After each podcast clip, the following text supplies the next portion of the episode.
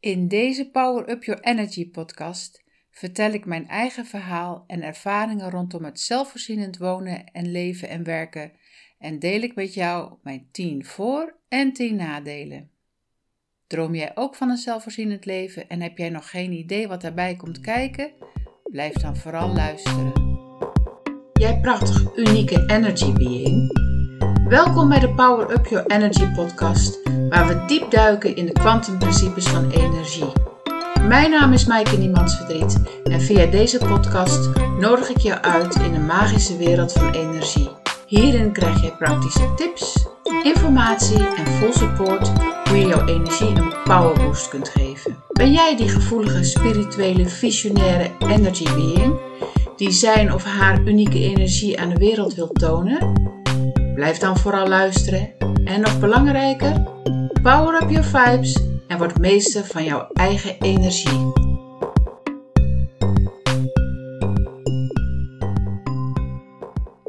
Een hele goede morgen, middag of avond, wanneer je deze podcast ook luistert. En welkom bij deze nieuwe aflevering over zelfvoorzienend leven, waarin ik mijn ervaringen met jou ga delen.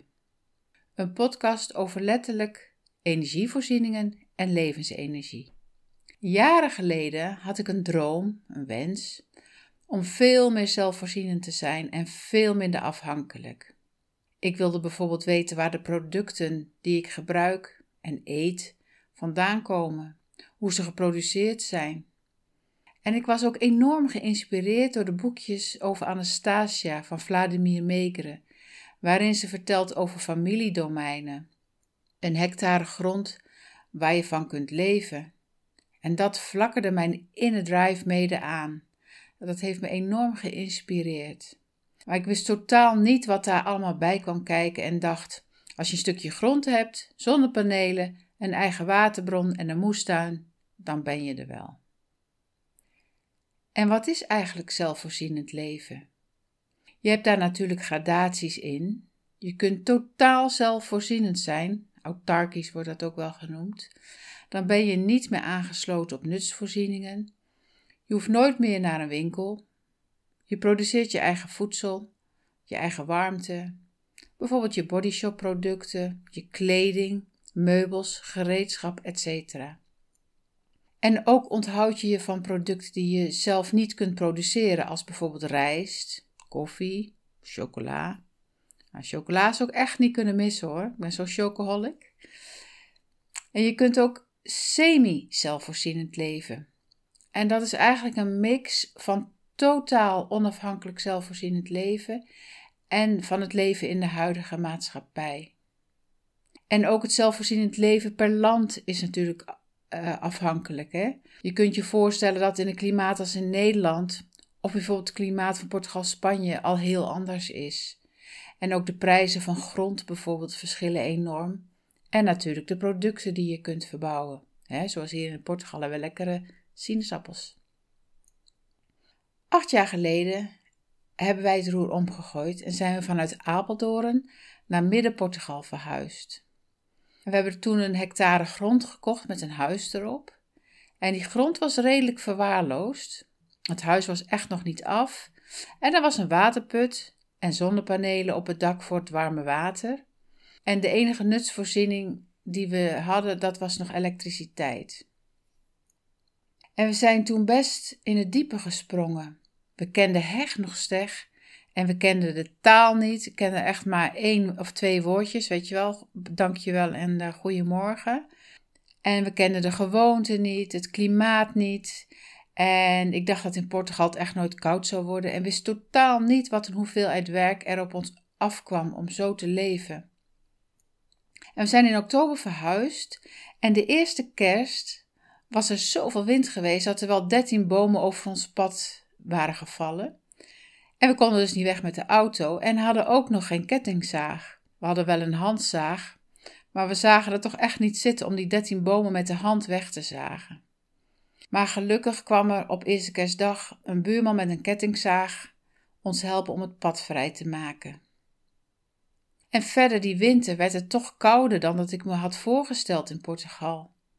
We wonen in de buurt van de Serra da Estrela en dat is het hoogste gebergte van Portugal, is 2000 meter hoog. En als daar sneeuw op ligt, is het bij ons op 350 meter hoogte best koud. Dus je huis verwarmen. Maar hoe? Met hout dus. We hebben een haardkachel die verbonden is met centrale verwarmingselementen in het huis. Er is een waterpomp die het warme water dan door de verwarmingselementen pompt. Dus toch ook elektriciteit nodig, maar ook hout. En we hadden een paar kub liggen, maar lang niet genoeg kwamen we achter. Houtkappen dus.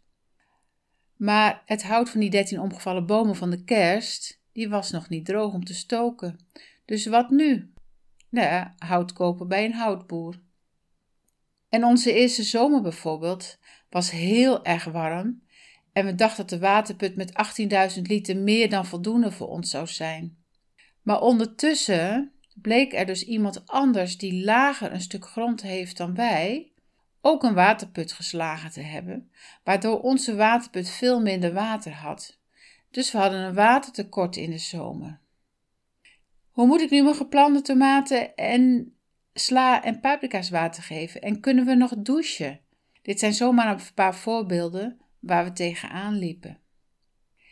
En de uitdaging ligt er natuurlijk om daar waar je tegenaan loopt op te lossen en je ook aan te passen aan die omstandigheden.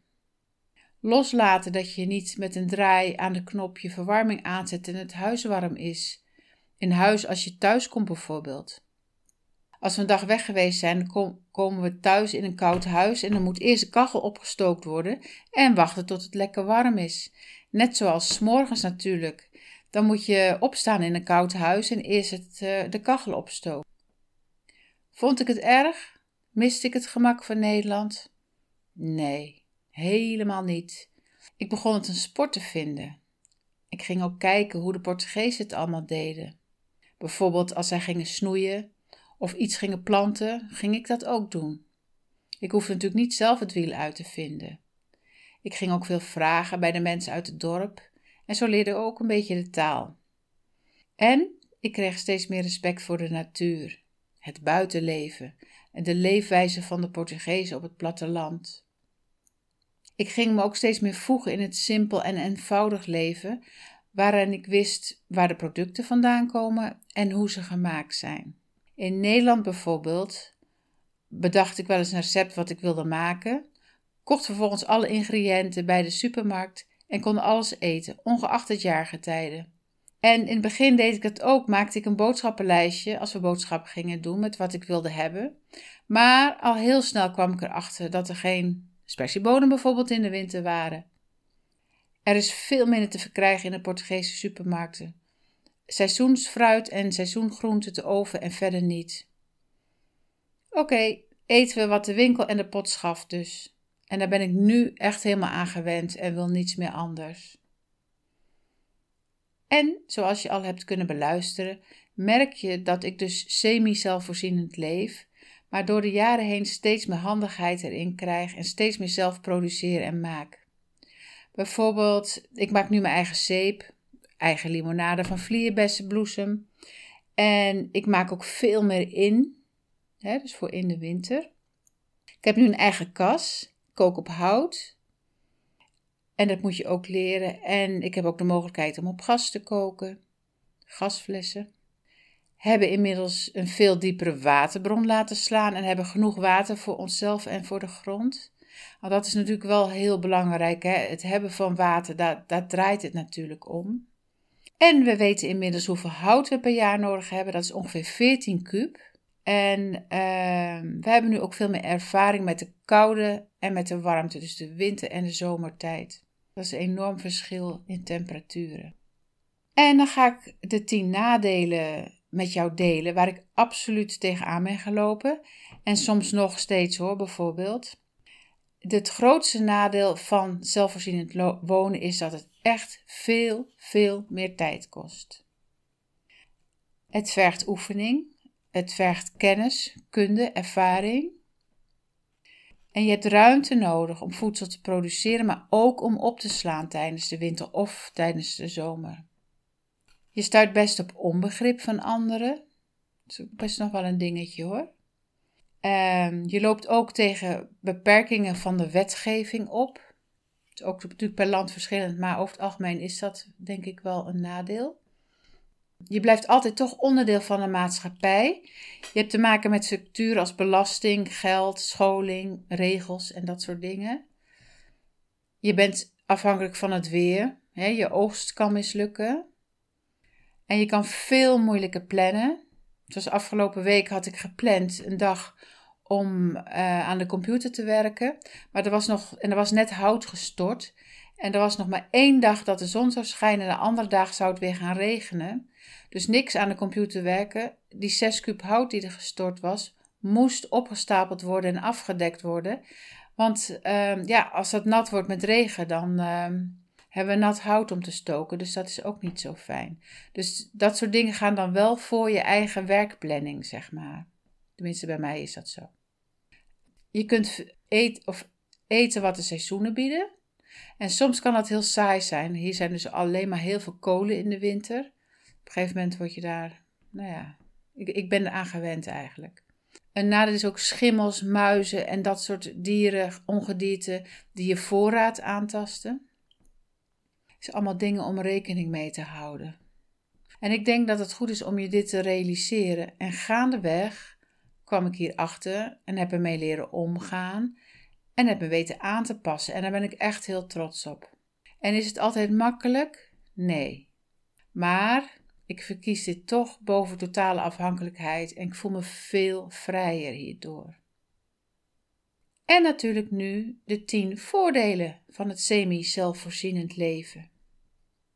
Nou, het, ene, het eerste belangrijke voordeel voor mij is dat veel minder afhankelijk bent van de grillen van de maatschappij. Veel minder afhankelijk van beschikbaarheid als bijvoorbeeld de supermarkten in Nederland dichtgaan, hoe kom je aan je eten? Dat is hier gewoon niet zo. Dat, dat heb je gewoon. Je bent ook veel minder afhankelijk van prijsschommelingen. Ik heb bijvoorbeeld geen enorme gasrekening meer per maand. En hoe fijn is dat? Het is veel milieuvriendelijker doordat je veel kleinschaliger leeft. Er is veel minder transport nodig bij kleinschaligheid bijvoorbeeld. Je footprint is veel kleiner.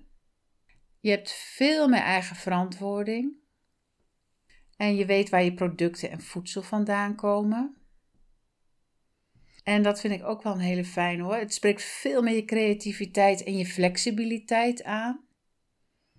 En het geeft natuurlijk enorme besparingen. Wat je bijvoorbeeld lokaal of regionaal koopt of ruilt eventueel. En dat is ook, vind ik ook een hele fijne en hele belangrijke. Het geeft veel meer een echte verbinding met andere mensen en met de producten. En je waardeert veel meer je eigen producten. Ik kan bijvoorbeeld ontzettend genieten van mijn heerlijke, zongerijpte, sappige, biologische tomaten. Ben ik zo, daar geniet ik zo intens van. Het is heel anders dan dat je die bij een supermarkt in Nederland haalt. En er zijn natuurlijk nog veel meer voor- en nadelen op te noemen, maar ik denk dat dit de tien belangrijkste zijn. En um, na acht jaar heb ik het in de vingers, denk ik. Ik snap hoe het werkt. Uh, mijn dagelijkse leven is erop afgestemd. Um, heb ik leren omgaan met de uitdagingen en de tegenslagen. En ben ik trots op wat ik allemaal al heb geleerd. Neem alleen al het koken op een houtkachel. Dat moet je echt leren. En ik doe het nu met zoveel plezier. En ik ga steeds verder met zelfvoorzienend leven. Stap voor stap en stel mezelf daar geen eisen of doelen in. Ik heb nog wel een wens dat we bijvoorbeeld op een gegeven moment een oplossing hebben voor de elektriciteit. Maar zelf denk ik dat daar binnen een paar jaar een hele andere oplossingen voor komen. En ook andere oplossingen dan die we nu kunnen bedenken. En de vraag is natuurlijk: hoe ver zou je jouw zelfvoorzienend leven willen doorvoeren? Daar ben ik heel benieuwd naar, laat het me weten. En wil je de voor- en de nadelen nog op een rijtje hebben? Lees dan mijn blog hierover. Ik hoop dat je met deze podcast wat wijzer geworden bent, iets meer een idee hebt wat zelfvoorziening inhoudt en misschien ben je wel geïnspireerd. Voor nu dank voor het luisteren en tot horens in de volgende podcast die specifiek gaat over het zelfvoorzienend leven in Portugal. Elk land heeft natuurlijk zijn eigen voor- en nadelen hierin. Voor nu, bedankt voor het luisteren en een hele fijne dag gewenst. Super leuk dat je geluisterd hebt naar deze aflevering van de Power Up Your Energy podcast. Wil jij nog meer inspiratie, tips of info hebben? Ga dan naar instagram.com slash of naar mijn Facebookpagina Maaike Niemandsverdriet Portugal of lees mijn blogs op mijn website www.maaikeniemandsverdriet.com Vind je deze podcast inspirerend en ken je iemand die een energy boost kan gebruiken? Dan zou ik het heel fijn vinden als je deze deelt. En weet jij dat je heel simpel een review en bijvoorbeeld 5 sterren kunt geven om te laten weten wat je van deze podcast vindt? Deze manier van energieuitwisseling waardeer ik enorm. Ik vind het superleuk om berichtjes te ontvangen van jou als luisteraar, om te horen of je nog vragen hebt, wat je van de podcast vindt en misschien heb je nog wensen of suggesties. Stuur me dan een e-mailtje naar info.maaikeniemandsverdriet.com of gewoon een DM. Ook kun je inschrijven voor een gratis energy call via mijn website. Nogmaals dank voor het luisteren en heel graag tot de volgende keer. Keep your vibes high and show your unique energy to the world.